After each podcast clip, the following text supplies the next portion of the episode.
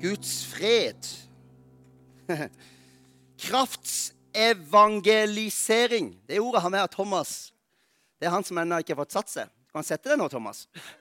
Yeah. Det har vi brukt en del på denne turen. Og nå foregriper jeg litt, men eh, kraftsevangelisering Det er egentlig noe av det samme som når noen f.eks. spiller profetisk, som Lillian gjør ofte, og Guds fred får komme til og gjøre noe med oss. For det handler, det handler ikke først og fremst om ord, det handler ikke først og fremst om akkorder. Det handler ikke først og fremst om samstemthet. Veldig nydelig når det er samstemt. Det er det jo alltid med dere, Lillian. Men det handler om noe forbi alt det der, over alt det der. Det handler om en salvelse og en kraft bakom ord, bakom toner, bakom musikk. Og Det er derfor vi er her. Jeg er veldig glad i dere, men hadde ikke orka holdt på sånn. altså. Eh, så lenge og så mye og så aktivt med dere og den samme gjengen her. År etter år. Eh, om ikke det var noe mer, så vi, kunne vi heller gått og bowla eller noe annet. Eh, det hadde vært fint. Hør, vi hadde en sterk tur med Thomas. Du må reise deg, Thomas. Ja da. Ja, men du må reise. Det er Thomas. Nå kan du sette deg. Stakkar Thomas som måtte holde ut med meg på rom i ni dager. Oi, oi, oi. Det gikk fint. Vi var i Kambodsja, eh, og vi hadde en sterk tur på mange forskjellige måter. Eh, både åndelig og menneskelig sett var det sterkt. Jeg kjøpte solkrem med faktor 50.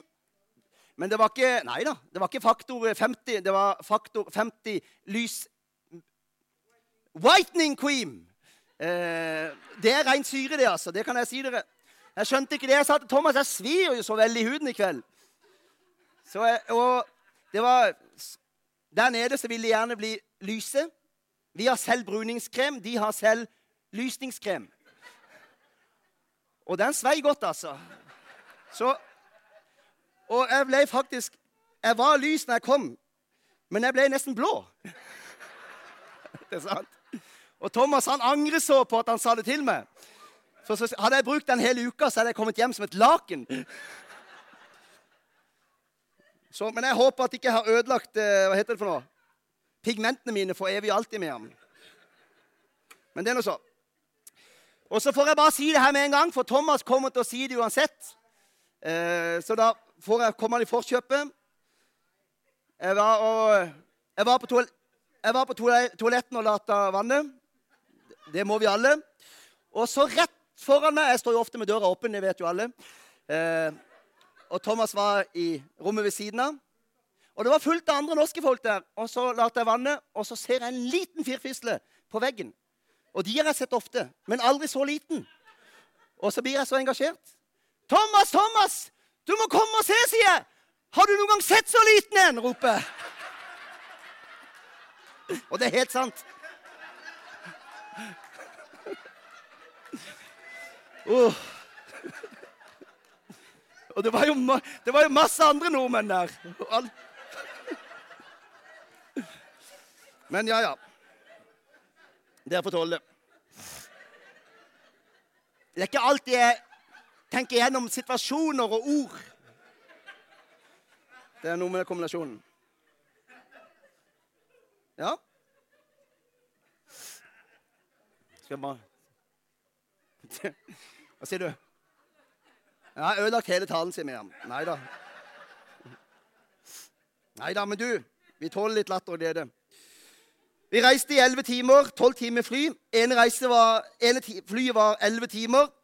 Satt jeg ved, ved, siden av en godt voksen fyr. Og så tenkte jeg nå skal vi ned på misjon, altså. Og det kommer til å bli vunnet masse mennesker. De kommer til å bli frelst og helbreda, satt fri. Og så kan ikke jeg sitte her, tenkte jeg, i elleve timer ved siden av en fyr uten å si noe. Det kjente jeg litt på, faktisk.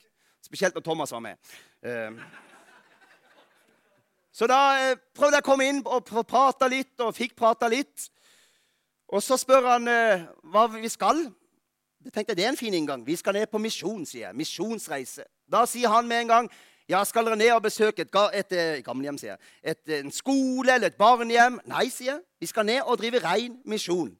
Da ble han litt lang i maska, og så ble han stille. Og han var tydeligvis veldig glad i Thailand skulle han til. Og Så går det en stund, og så venter jeg litt, og så sier han, 'Du, fortell meg, hva er det egentlig som du ikke liker med buddhismen?' siden du absolutt vil le og omvende de. Og jeg tenkte det Da hadde jeg en inngang. Jeg hadde en inngang, men det var ikke den letteste inngangen jeg har fått. For det var et veldig kritisk spørsmål. Men jeg fikk fortelle om egentlig evangeliet i et nøtteskall. Som mange nordmenn tror de har skjønt. Han var veldig belest. Og jeg kom inn på Guds kraft, og jeg kom inn på Jesus og korset, og jeg kom inn på at Gud bor i meg. Og da ble han lang i fjeset, altså. Det syntes han var voldsomt. Og så eh, snakka han om å leve et overnaturlig liv sammen med Gud. Og da stoppa han helt opp. Så kikka han på meg sånn Det der er vel ikke kristendom, det du holder på med? Det må være mystisisme, sa han. så sier jeg nei. Bare gå hjem og les seg i Skriften. Skal du se at det jeg snakker om her, det var helt dagligdags for de gutta eh, som opplevde det på den tida. Og så spør han du er kanskje ikke sånn veldig åndelig opptatt, da, sier jeg til han. Og da ble han litt sånn paff, nærmest.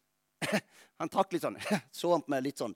Du, eh, jeg er ingeniør, sa han. Som om det var en umulighet å være åndelig opptatt og ingeniør. Og så sa jeg min far han var hjerte- og karspesialist. En av de beste, men han var en sterk troende. Ingen motsetning mellom det.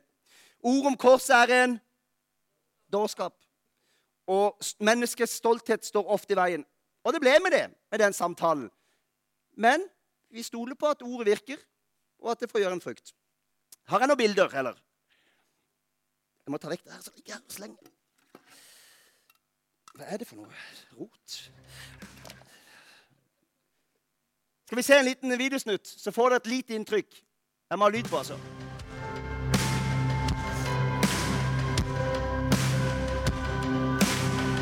We need.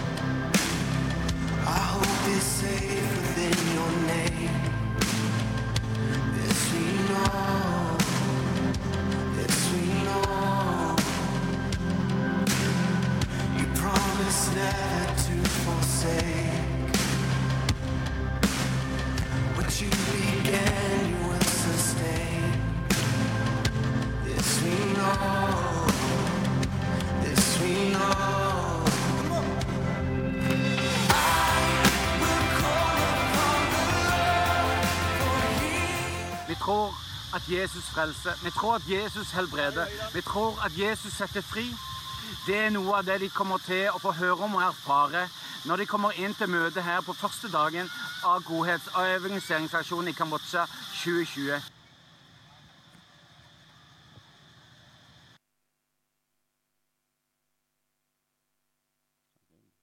Wow! Det er helt fullt her! Det er over 1000 folk som har kommet! Det er jo helt vilt! Det er nesten ikke en eneste stol igjen, og vi hadde 1100 stoler. Jeg tror alle er brukt. Dette blir vanvittig gøy. Jeg lurer på hvor mange som kommer til å si ja, ja til Jesus senere i dag. Det er jo helt vanvittig, og nå holder lårsangsbandet på å spille for full fart! Det er jo helt vanvittig, du hører meg nesten ikke. Men uh, jeg er begeistra på utsida og på innsida. Wow!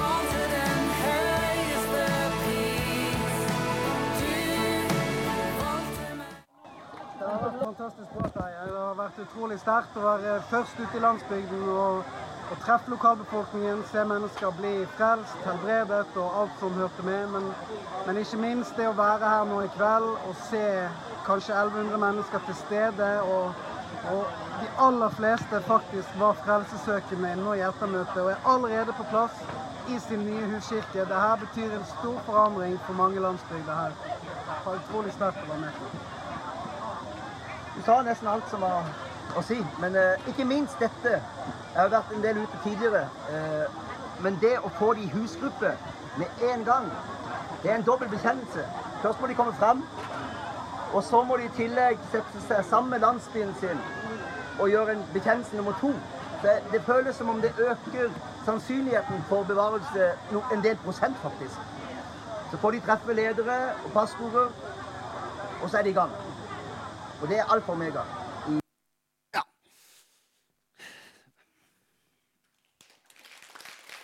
Bra. Og så har jeg noen bilder. Vil dere se noen bilder? Orker dere? Det er jo sånn I gamle dager gjorde de sånn. Viste masse bilder. Får du opp de filer? Og Jeg skal ikke holde på så altfor lenge. Thomas skal jo få lov å si litt. Og det er livsfarlig gi han, han mikrofonen. Du får, han, du får han aldri igjen. Men jeg står høyere og sikkert sterkere, så det går bra. Du, hør. Eh, fantastisk helg. Antagelig noe av det beste oppfølgingsarbeidet jeg har sett. Jeg har vært på større kampanjer og heftigere kampanjer. Sett enda flere bli frelst og sett enda flere bli helbreda. Eh, men det var et av de beste opp forberedte kampanjer. Eh, ja, den kan vi godt se. Du må trykke en gang til. Nei, du er tilbake. Jeg har reist meg her.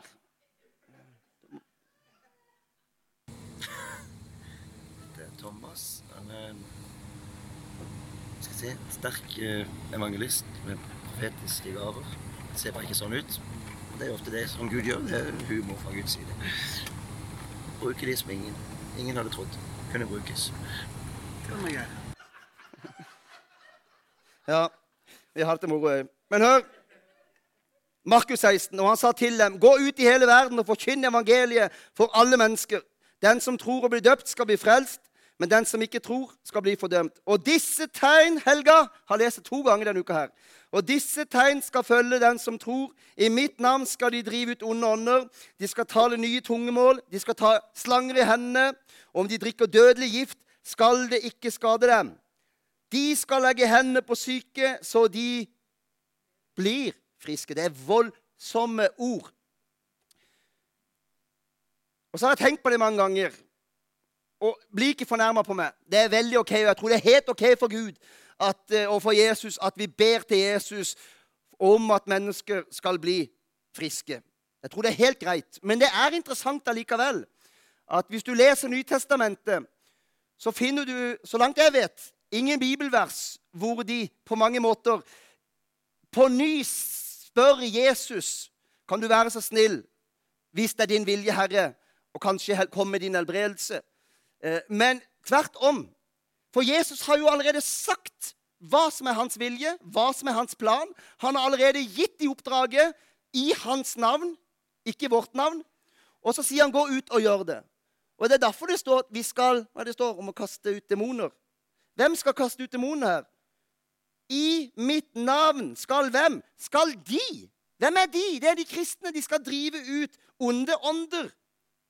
Og det er veldig fristende å tenke at i mitt navn så skal skal de kristne be Jesus om å drive ut de onde åndene.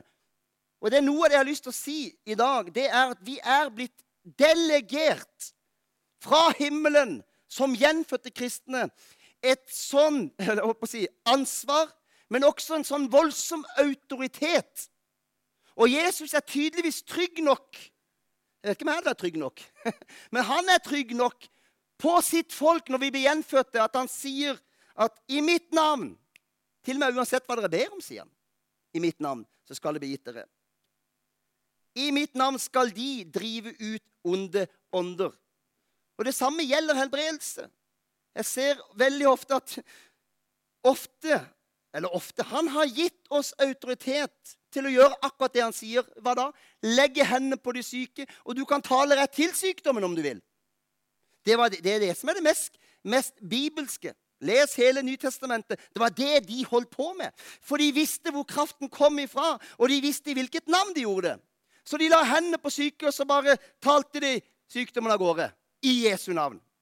Og det er et lite stykke ifra den overbevisning som du må ha fått av Den hellige ånd for å tørre å gjøre det, til å be den mer tradisjonelle bønnen Herre Jesus, nå, hvis du skulle ønske det, og hvis det er riktig dag i dag, så ønsker vi at du kan komme og helbrede. For all del, be gjerne sånn, og Gud hører den bønnen. Det er ingen, ingen tvil om det. Men du kan faktisk være mer frimodig på Bibelens grunn. Ikke det, nei? Det var bare Roald som har lyst til det.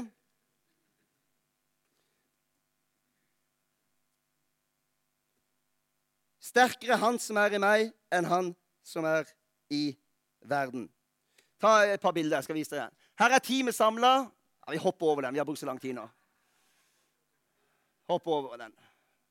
Husevangelisering. Jeg har lyst til å si noe om det. For vi var 130 mennesker. 85 evangelister, og det er evangelistene til troens bevis. Eh, godt trente evangelister. Jenter og gutter i alle aldre. De ser jo 10-15 år yngre enn det de er. Så når de er 25-30, ser de ut som de er 17-18 vet du, og 15 år. Så det var litt snodig. Men de var meget frimodige. Herlig å reise med. Og et team fra Norge på 50. Og så var vi rundt i Delt opp, godt organisert, og var på hjemmebesøk. Veldig snodig å bare vandre rundt der og se om det er noen hjemme her og se om det er noen hjemme her. Og bare komme inn og dele evangeliet. Og det gjorde vi. Her er det Thomas som holder på. Ta en til, du. De bodde enkelt, mange av de. Det var Du har ikke lyst til å bo der, Thomas? Så, og så skal jeg fortelle litt. Det er det som ligger på mitt hjerte. Kraftevangelisering. Veldig ofte så kommer man inn og man forkynner evangeliet helt klassisk. Og så tar mennesker imot en del ganger. Men langt ifra alle gangene. Det området som vi var i, det var buddhistisk, men det var veldig sterkt prega av fedretro, okkultisme, sjamanisme, må vi nesten si. De gikk med alle nesten gikk med bånd rundt magen, bånd rundt armene, som de hadde betalt mye penger for hos heksedoktoren, som beskyttelse mot åndsmaktene. Og de var oppriktig redd for åndsmakter. Og det var ikke lenge du skulle være i et hjem før du skjønte det. Du kjente trykket. ikke sant, Thomas? Den frykten som lå over dem for å skulle klippe et sånt bånd. Da tenkte de at oi, nå forsvinner all beskyttelsen. Nå faller jeg død om. Nærmest. Derfor var det ikke bare bare, bare for dem. Og på, fem, på en liten 20 minutter, 10 minutter, skulle forlate alt. Og av og til så gikk det. Og av og til så, så merker jeg at evangelistene de var klar for å reise. For de hadde på en måte kommet til veis ende. De ville ikke ta imot. Det var ofte mye frykt for å ta imot med en gang. Opplev det. Men så tror jeg så veldig på dette med kraftsevangelisering. Og hva mener jeg med det? Jeg mener at vi kan faktisk demonstrere Guds rike inn i menneskers liv før de er frelst. Før de har tatt imot. Så når våre ord kommer til kort, som de av og til gjør så kjør, Vi kjørte den hele uka med Thomas. Eh, så visste jeg det, for jeg har fått en forvissning her inne om at om vi får lagt hendene på dem og bare får velsigna dem, så kommer Ånden til å komme over dem. på en måte som går langt forbi mine ord og mine overbevisninger. Og det skjedde gang på gang på gang. Og flere ganger så var vi i ferd med å dra, og så spør jeg tolken spør om vi bare kan få lov til å legge hendene på dem og velsigne dem. Og i hele Asia er de åpne for en velsignelse. Tro meg. Og i nesten alle tilfellene sa de ja. Og det var så sterkt og påtakelig å oppleve det at selv mennesker som hadde sagt nei, var skeptiske. Når vi fikk lagt hendene på dem, så skjedde det noe der og da. Det kom en sånn ro over de, inn i huset. Tårene begynte å renne. Noen fikk litt eh, kamp, kan du si. Det, det, bodde litt av hvert der inne. Eh, før freden kom. Og så hadde av og til noen evangelister hadde prøvd å overbevise dem om å klippe båndene i lange tider. Og det ville de av og til ikke. Noen ville. Og jeg opplevde i mange av tilfellene at bare ved å legge hendene på og stole på Guds ord Akkurat som vi skal legge hendene på syke. Og jeg trengte ikke bruke ord. Kunne bare be i tunger inni meg. Så var det etter 30 sekunder så rakk de fram hendene. Og så ville de klippe båndene. Det var så påtakelig å tre inn i et sånt mørke som det der. Et område fylt av eh, frykt for demoner og ånder. Å vite hvem du er i Han. Vite at sterkere er Han som er i meg, enn Han som er i verden. Å komme inn der og vite at løp, jeg holdt på å si, Seieren er jo allerede vunnet. Og kraften bor i meg. Og hvis vi legger hendene på noen, så er det ikke fordi jeg er spesiell, men det er fordi det er en bibelsk forordning som vi tror på. Og, og ånden får virke gjennom det. Og Jeg tror bare jeg opplevde ei dame som ville ha hendene på. Ei eller to som på en måte ikke tok imot. Og Da vi, kunne vi ha snakka lenge, og de ville ikke. Så ba vi noen ett minutt for dem. Og da, det, da kunne du spørre igjen. Vil du nå ta imot? Jeg tror alle sa ja. Og Hva er det her for noe?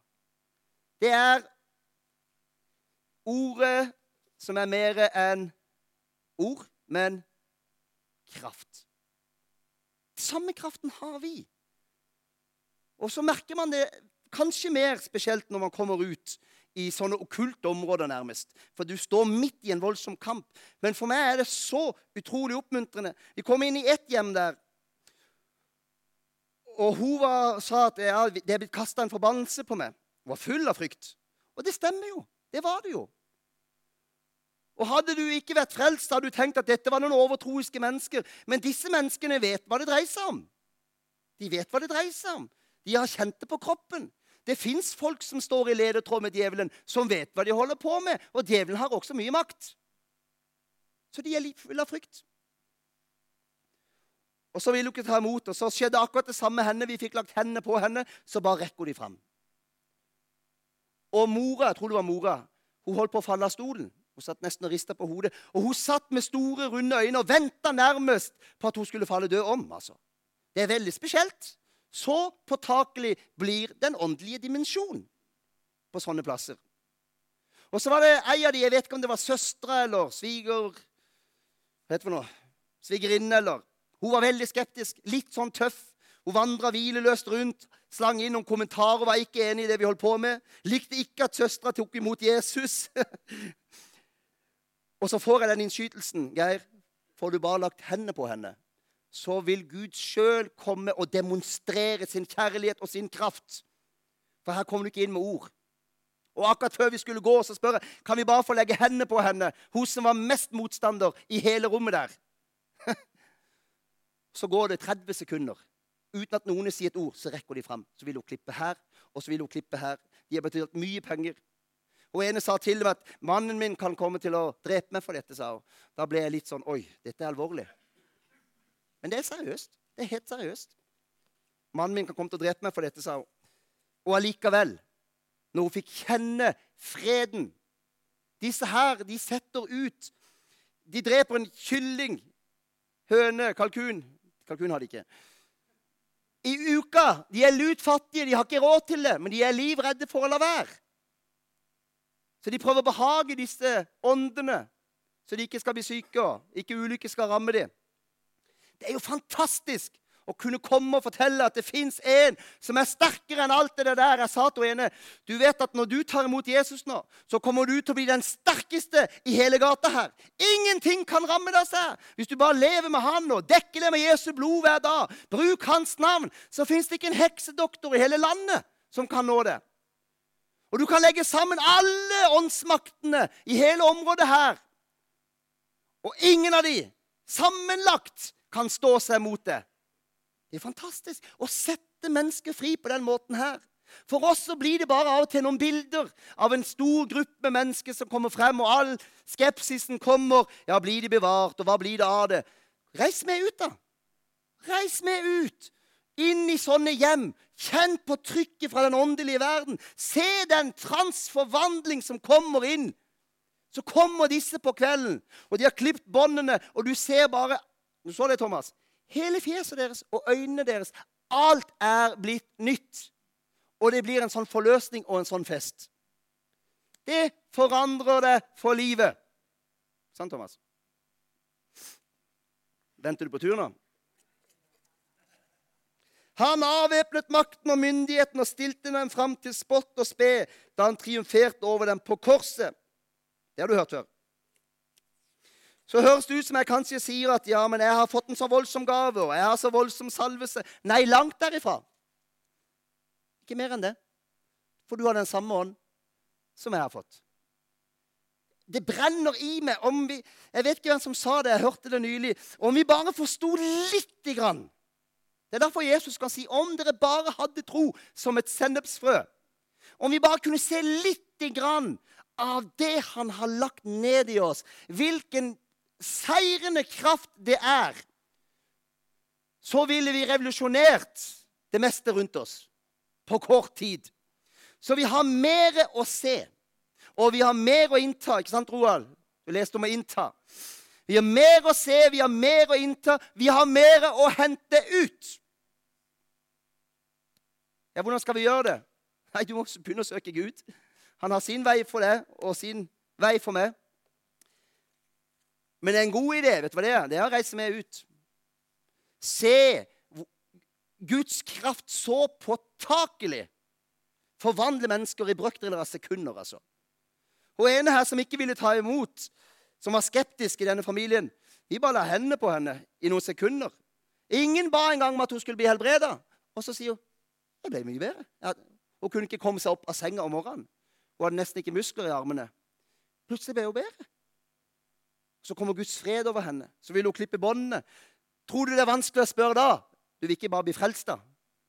Jo da, selvfølgelig. Da vil hun bli frelst. Kraftsevangelisering. Og jeg tror vi kan gjøre det i Norge òg. I større grad enn å ville oss inn i, i, i, voldsomme samtaler om ondskapens problemer. Hvorfor skapte Gud sånn, og hvorfor gjorde han sånn, og hvordan henger det sammen? Begynn å vite hva som er i det. Du kan faktisk være så frimodig at du kan si ja, men eh, har du lyst til å kjenne noe fra Gud? Jeg tror Gud vil demonstrere det, kan du si. Det her tror jeg på. Så kan du begynne å legge hendene på folk. Og alle vi gjorde det, så spurte For jeg syns det er interessant, det her. Det er et studium òg, skjønner du. Så spør jeg Kjente du noe, og hva kjente du? Og selv de som ikke tok imot, for alle gjorde ikke det, sa at de følte seg refreshed. Fornya. Og det var ikke bare én som sa det, men fire-fem stykker sa 'fornya'. Altså oppløfta. Og det er jo ikke rart. De har gått her og trella under disse åndsmaktene og frykt.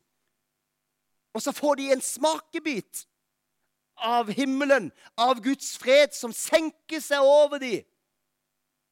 Det er klart det gjør noe med dem.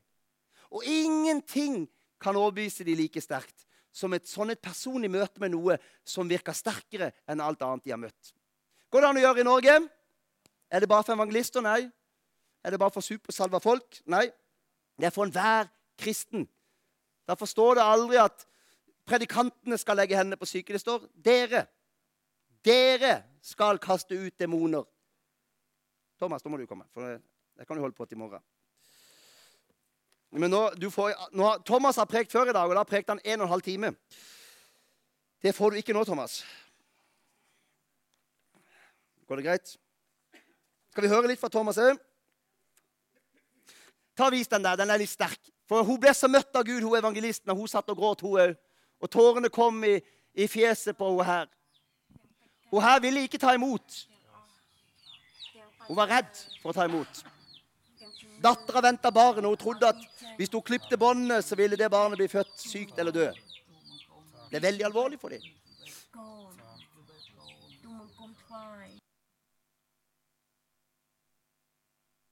Og så kommer Guds ånd over henne. Hun var en av de som bare stakk ut armene. Og så ber vi frelsesbønn. Og du kjenner det fysisk, hvordan noe letter av åndstrykket, og noe annet erstatter. Guds fred kommer inn i huset. Bare ikke si noe imot meg nå.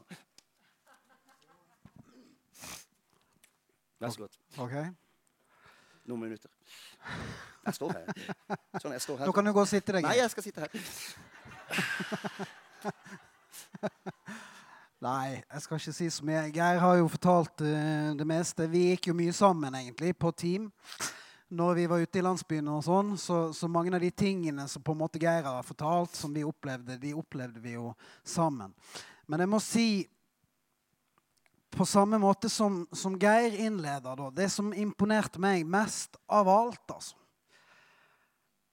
Det var hvordan de hadde strukturert dette oppfølgingsarbeidet sitt. Ikke bare fra norsk side, men hvordan han som vi da møtte en av de første dagene En eh, ung mann, er han 25 år? Han Dara? Ja. Tipper han er 25. 4-25, et eller annet sånt nå. Som er da en av hovedlederne for nettverket der nede. Han ble frelst i 2012. I dag reiser han rundt i Vietnam, i Thailand, Kambodsja, hele området der, og underviser og trener nye ledere. Og det er ikke noe sånn det er ikke noe sånn svada, liksom, eh, humbug-ledere som bare så vidt tar sin del av ansvaret, liksom. Dette her er helhjerta, dedikerte, oppreiste mennesker som virkelig lever hele og fulle liv for Herren. Og hvordan de organiserer hele arbeidet, hvordan de strukturerer kampanjer og legger opp liksom Ja, Det var utrolig imponerende å se hvordan det fungerte. Men jeg syns jo.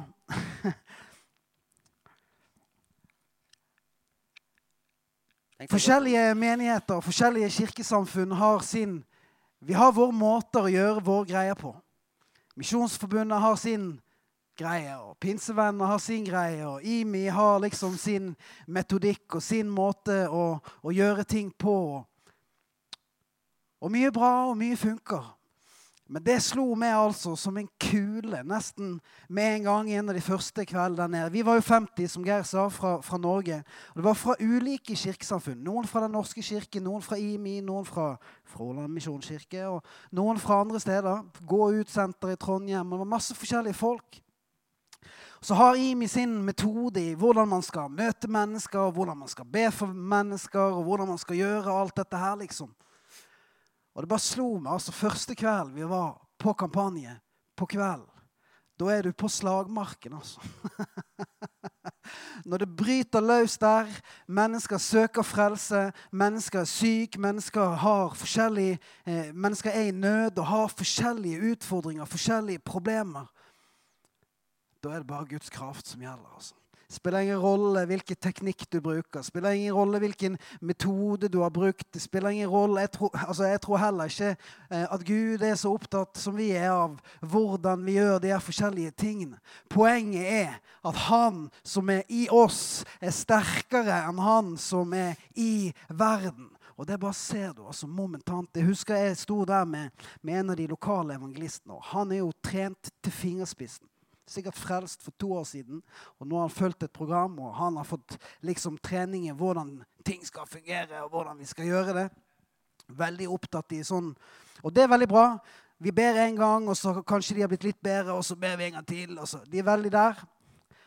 Så husker jeg første personen jeg og han skulle be for. Jeg og han og så en til fra, fra Akta bibelskole. da. Så gikk vi tre sammen i team, og så gikk vi bort til en dame som, som eh, hadde problemer med ryggen. Hun klarte nesten ikke å stå, klarte nesten ikke å bevege seg. og masse greier. Så hun satt på en stol der. Og så sier jeg nå kan du be for henne. Hun, hun eh, akta-eleven. Kan du be for henne? Og så kommer han evangelisten og ja, ja, ja, han har liksom lært sin greie. og ja, nå må vi gjøre sånn, og vi må gjøre sånn. Og så bare kjenner jeg Gud sier til meg nei, det er ikke, noe, det er ikke ryggen det er noe galt med. Spør hun eh, måtte vi få bort en annen dame, en lokal dame som snakket samme språk. Så be hun komme bort her og spør om hun kan få lov å se på beina til, til hun her. Så gjorde hun det, og så fikk hun De skjønte ingenting. Skal se på beina mine. liksom. Han evangelisten. ja, Hva er det som skjer nå? Så gjorde vi det. Satt hun i stolen og så på beina. Den ene var kortere. og sier bare nå kan du bare befale den foten å komme ut i Jesu navn. Og det gjorde hun her, akta-eleven. Foten vokste ut. Så spør jeg han evangelisten. Spør hun damen hva opplever hun akkurat nå. Kjenner hun at det skjer noe? Hun skjønte jo ikke hva vi snakka om, og hun skjønte jo ikke hva som foregikk. og Vi fulgte ingen metodikk. Bare, jeg bare fulgte en innskytelse. Så spør han hva opplever du Og så sier hun her damen Hun ble jo helt sjokkert. Hun sier Hun lurte jo sikkert på hvorfor i alle driver de og holder beina mine ute i luften. liksom. Skjønte jo ingenting. Kjenner du noe? Helt forskrekka, liksom. Det skjedde noe i ryggen min, så. Reiser hun opp, og så var hun jo momentant helbreda i ryggen. Og han her evangelisten han ble jo helt forskrekka. Ja, men dette, her er jo alt, dette er jo utenfor alle våre metoder. det er jo ikke sånn Vi skal gjøre det. Vi skal be fire ganger, og så skal de bli litt bedre. og litt... Hun ble jo frisk med en gang. sa han. Hva er det her for noe? Det er Guds kraft. Våre metoder betyr veldig lite. Vår fremgangsmåte betyr veldig lite i møte med reelle mennesker, reelle problemer. Så er Guds kraft nok. Det han har gjort, det holder. Ja. Den prisen han har betalt, den er nok. I møte med hvilken makt og myndighet og sykdom som helst. En ting som jeg har reflektert litt over, er dette her med de her Den tydeligste var nok hun her som Geir viste på videoen her. Det var ekstremt sterkt, altså. Akkurat, akkurat den greia. Vi holdt på i en halv time, tror jeg. Hun lokale evangelisten holdt på en halv time. Og hun var salvet av Gud, altså. Og hun, hun vant virkelig tilliten til denne damen og prata med henne om alt mulig. Det var ikke nubbsjans at hun var villig til å risikere å sette den åndelige verden i bevegelse. Og kvitte seg med, med de her båndene til den åndelige verden som hun hadde betalt for. Det var helt uaktuelt, altså. Så sterk var de bindingene. Helt til, som Geir fortalte, at la hendene på henne. Guds kraft kom over henne, og hun ga dem fra seg frivillig, uten at noen sa noen ting som helst. Der nede er det veldig synlig, men det har jeg reflektert litt over på, på vei hjem. Det er klart at det er lett å se det i en landsbygd i Kambodsja liksom, der folk har betalt masse penger til en heksedoktor og går rundt med svære lenker rundt eh, magen og alt dette her. Men det var jo ikke sånn at når du møtte disse menneskene og begynte å prate med dem, så tenkte du at hun her er demonbesatt, liksom. Det var normale mennesker. Oppførte seg akkurat sånn som meg og du. Men at de var bundet til ting i den åndelige verden, det opplevde vi jo helt konkret. Spesielt på dag nummer to i denne aksjonen så brøt det ut mirakler på kampanjen. Fordi at det var den dagen hvor flest av disse båndene og flest av disse tingene ble klippet. Men hør, der nede er det veldig synlig. Veldig synlig. Så tenkte jeg Det er klart det er det er tankevekkende. Hvis du følger Ung Data, som er en undersøkelse i Norge som følger utviklingen blant ungdom i Norge fra år til år. Du ser det at rundt 20% av norske ungdommer i dag går på antidepressive medisiner. Jeg skal ikke gå så langt inn i det greiene der, men du skjønner tanken min. Det er lett å se bindingene, det er lett å se problemene når det er et bånd rundt armen eller magen eller en lenke rundt foten som viser at du er bundet til noe som kontrollerer ditt liv. Men vi må ikke tro et øyeblikk at ikke det finnes ting i Norge som trenger en menighet som våger å bevege seg i troen på at Guds kraft er nok til å sette mennesker i frihet, også i Norge i Amen. 2020. Det heter kanskje ikke heksedoktor. Det heter kanskje ikke åndebånd. Hva vet jeg? Det har kanskje andre navn i Norge og i Vesten. Men hør, vi trenger en levende kirke som tror at han som bor i oss, han er sterkere enn han som Ja. bor i verden. Amen. Våre barn, vår ungdom, mine egne barn og generasjonene som kommer, de trenger en kirke som tror på kraften i evangeliet. Ja. Amen. Amen. Kom, Lilja. Hva skal vi gjøre nå, Thomas? Jo, jo, takk, takk, Nei, nå må du ikke ødelegge ettermøtet. takk. Han prøvde jo nå å ta de, liksom, de, de gode historiene. De har jo han tatt nå. Jeg har jo mine egne videoer som jeg tenkte skulle laste opp, men uh, Må spare de. Jeg skal spare dem. Ja.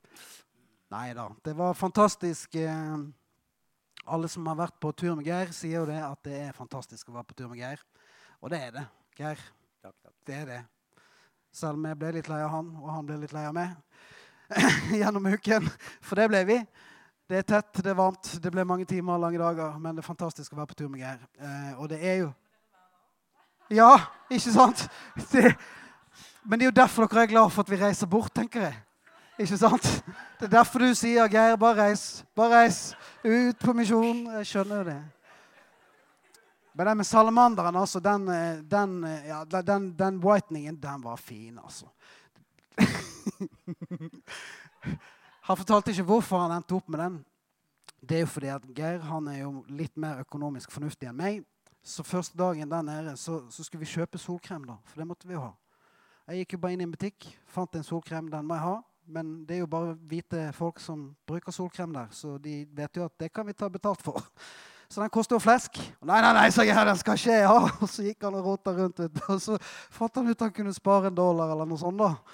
Nei, nei. På en sånn. Og så tenkte jeg, ja, ja, så så jeg på den, og så mm, Whitening, det var jo spesielt. og, så, og det er jo helt seriøst, Geir. Dagen etterpå, ut på dagen. Ja. Se, Thomas, er jo helt, er jo helt kritthvit! Altså.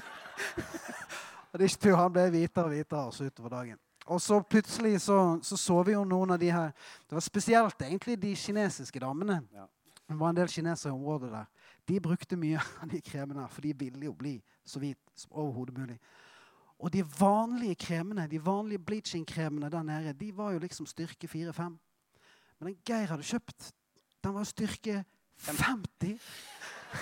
Så, så du vet at eh, han hadde jo Han hadde vært hadde, ja, nå, nå har jo han fortalt det, men det var vittig. altså. Jeg husker bare Geir på kvelden. liksom. Jeg svir sånn jeg svir sånn i ansiktet av oss. Jeg svir Skjønner jeg, jeg, jeg tror det må være Nei, ja, det var vittig. Og så salamanderen, da.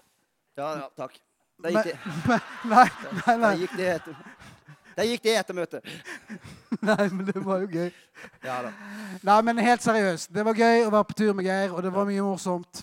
Men, men eh, det er helt klart, Geir, at, eh, at vi kommer jo hjem begge to med en, med en reell erfaring av at Guds kraft virker Ja. der ute som her hjemme. Uavhengig av kultur, uavhengig av hvordan mennesker ser ut, og hvilken på en måte bakgrunn de har.